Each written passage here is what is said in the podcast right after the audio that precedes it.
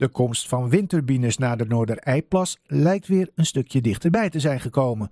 Want de omgevingsdienst van de provincie heeft de plannen van BMW van Amsterdam goedgekeurd. We hebben nu contact met Peter Verbeek van de actiegroep Windalarm, die zelf woont aan de Noorderijplas. Meneer Verbeek, welkom in de uitzending. Goedemiddag. Wat was uw reactie toen u hoorde dat de omgevingsdienst de plannen wel ziet zitten? Ja, het was voor ons uh, niet als een verrassing, want we werken al uh, eigenlijk twee jaar uh, mee en we hebben ook regelmatig contact met de omgevingsdienst.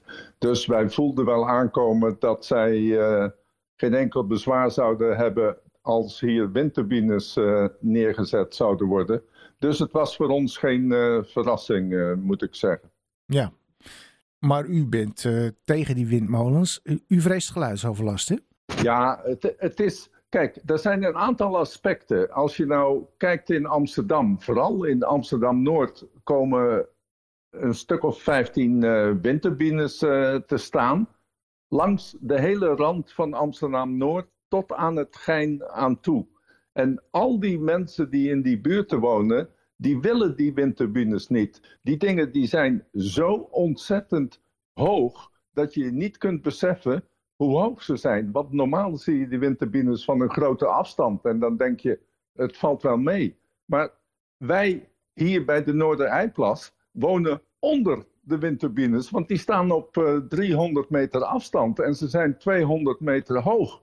Dus je woont eigenlijk onder die windturbine. En, en dat is zo out of place dat je dit soort bewegende constructies in een stadspark zet aan de rand uh, van woonwijken. En dan, dan kun je natuurlijk argumenteren dat het geluid en de, de overlast uh, die je hebt, uh, de gezondheidseffecten die, die geluidsoverlast veroorzaken.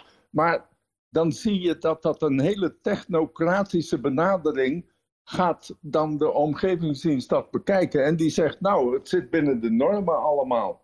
En wat ze vooral heel belachelijk is dat ze bij de Noorderijplas komt de wethouder met het argument: daar is al zoveel lawaai, dus die windturbines vallen weg in dat lawaai wat er al is. Maar dat slaat gewoon helemaal nergens op. Want als dat je standpunt is, dan kun je wel doorgaan met lawaai toevoegen aan de stad.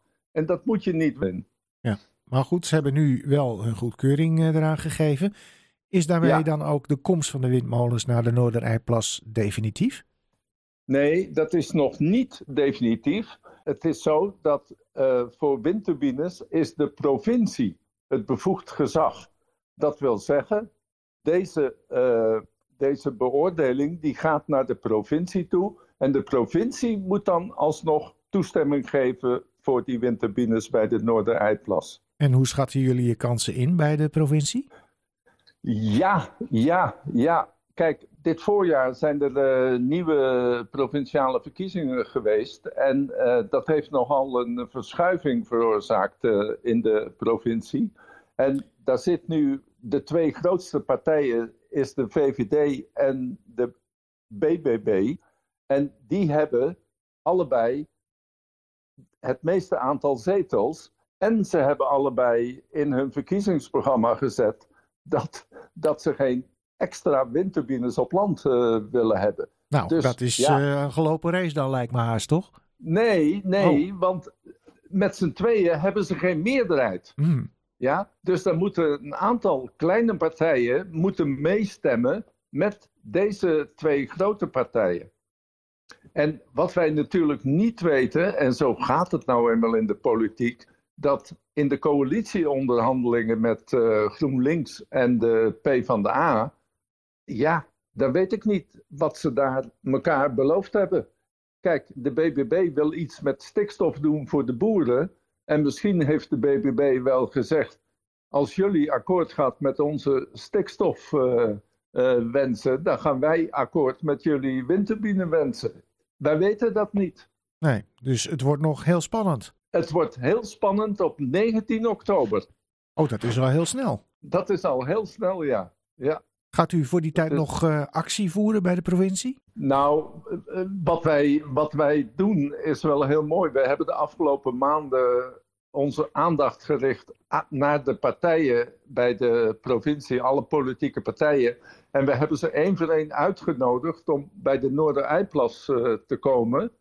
En uh, dan kunnen ze de locatie zelf zien waar ze over moeten praten. En wat we dan doen, dan hebben we een drone. En die drone, die laten we opstijgen. En dan mogen ze zeggen hoe hoog die drone hangt op de plek waar dus de windturbine gepland is. Ja, ja. En, en dan, uh, want die windturbine die wordt dus 200 meter hoog. En dan is die heel hoog en dan zeggen ze, dit is 200 meter. En dan blijkt die drone op 80 meter te hangen. Ja.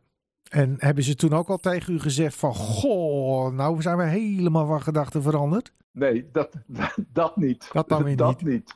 Nee, het wordt, dat het wordt dus gewoon heel spannend. Het wordt heel spannend en uh, wij zijn heel druk bezig met uh, de politieke partijen in uh, Haarlem om ze zoveel mogelijk informatie te geven buiten de informatie die ze van de omgevingsdienst krijgen. Goed. Mag ik u succes wensen bij ja, die laatste eindsprint? Dankjewel.